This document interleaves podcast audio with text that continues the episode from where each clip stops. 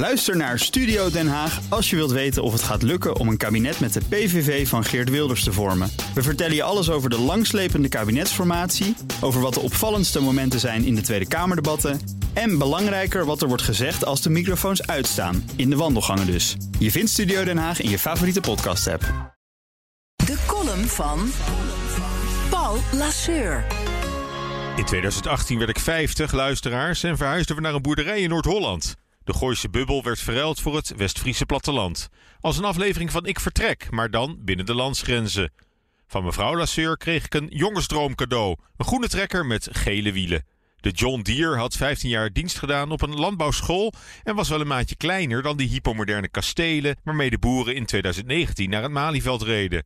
Maar verder doet dat weinig af aan de iconische uitstraling van mijn groen-gele krachtpatser. Het blijft de Ferrari onder de trekkers.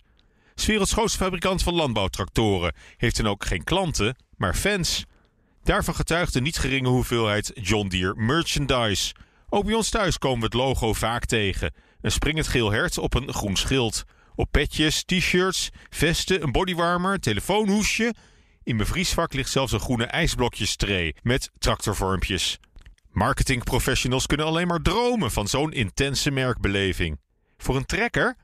Niet alleen in thuisland Amerika, maar wereldwijd geeft het merk John Deere trots uiting aan een diep gewortelde plattelandscultuur en boerenidentiteit. Maar ook bij de grijze en blauwe pakken op Wall Street is John Deere nu uitgegroeid tot een beurslieveling. In het afgelopen jaar steeg de aandelenkoers van de tractorbouwer met 67% Veel harder dan de S&P 500. De beurswaarde van de onderneming bereikte vorige week 93 miljard dollar. Met dank aan de miljardensteun in de VS voor de agrarische sector en de digitale revolutie die zich voltrekt in het landbouwarsenaal. Agrarische machines zijn in een paar jaar tijd uitgegroeid tot rijdende computers, chockvol chips, sensoren en GPS-technologie. Het kan niet lang meer duren of op de uitgestrekte Amerikaanse maisvelden rijden alleen nog maar zelfsturende tractoren rond. Het enorme succes van al die innovaties heeft ook een keerzijde. John Deere werd de laatste jaren mikpunt van de Right to Repair beweging in de VS. Boze Amerikaanse boeren eisten het recht op om zelf aan hun machines te kunnen sleutelen, zoals ze dat al generaties lang gewend waren. Om defecte tractoren weer aan de praat te krijgen, moet tegenwoordig eerst een ICT'er van het hoofdkantoor worden ingevlogen, vaak honderden kilometers verderop. De zelfredzaamheid, die onlosmakelijk verbonden is aan het vrije boerenleven, is dan ineens ver te zoeken. Daarnaast zijn privacy en cyberveiligheid in het geding, omdat het bedrijf op afstand met behulp van een verborgen simkaartje alle productiedata bijhoudt van zijn landbouwmachines.